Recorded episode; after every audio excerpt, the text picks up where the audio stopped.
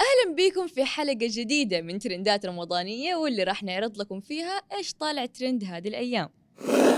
أسباب عدم عرض مسلسل تحت الوصاية. ناس كثير قالت إنه سبب عدم عرض المسلسل في رمضان هي الانتقادات اللي توجهت للمسلسل بعد نشر البرومو الخاص به خصوصا بعد ما قالوا إنه شكل منى زكي بيهين المحجبات. لكن صناع العمل نفوا وقالوا إنه العمل تأجل للنصف الثاني من رمضان فقط وراح يتم عرض ال 15 حلقة عادي. هل راح تتابع المسلسل؟ شقة إخواتك وحبايبك وشقتك.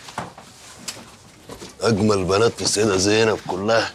تحبيهم قوي الترند مشهد تعريف جعفر العمدة اللي جسده محمد رمضان لزوجته الرابعة عايدة اللي جسدت دورها الفنانة زينة على زوجاته الثلاثة اللي أدى أدوارهم منة فضالي إيمان العاصي ومي كساب.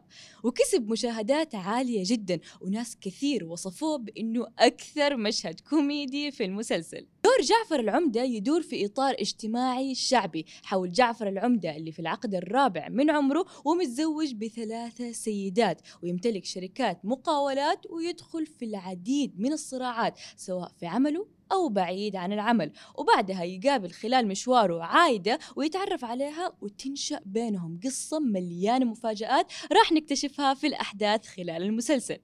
هل راح تشوفوا المسلسل وعجبكم ولا لا؟ الفنانة اللبنانية نادين عبرت عن ضيقها واستيائها من عدم وضع مشاهدها في مسلسل وأخيرا بالصورة اللي كانت متوقعتها.